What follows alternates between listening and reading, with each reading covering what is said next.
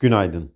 Reel kesim güven endeksi Mayıs'ta önceki aya göre değişmeyerek 105.1 olarak gerçekleşti. Kapasite kullanım oranı önceki aya göre %75.6'dan %76.3'e yükselirken geçen senenin aynı ayında kaydedilen %78'lik orana karşılık bu yılın Mayıs ayında %76.3 olarak gerçekleşti.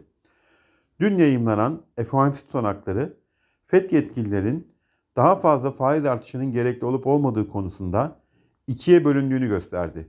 Bugün yurt içinde para politikası kurulu toplantısı kararı saat 14'te açıklanacak. Yurt dışında Almanya ve Amerika'da büyüme rakamları takip edilecek. Bu sabah Asya endeksleri hafif satıcılı, Amerika'da vadeliler hafif alıcılı işlem görüyor.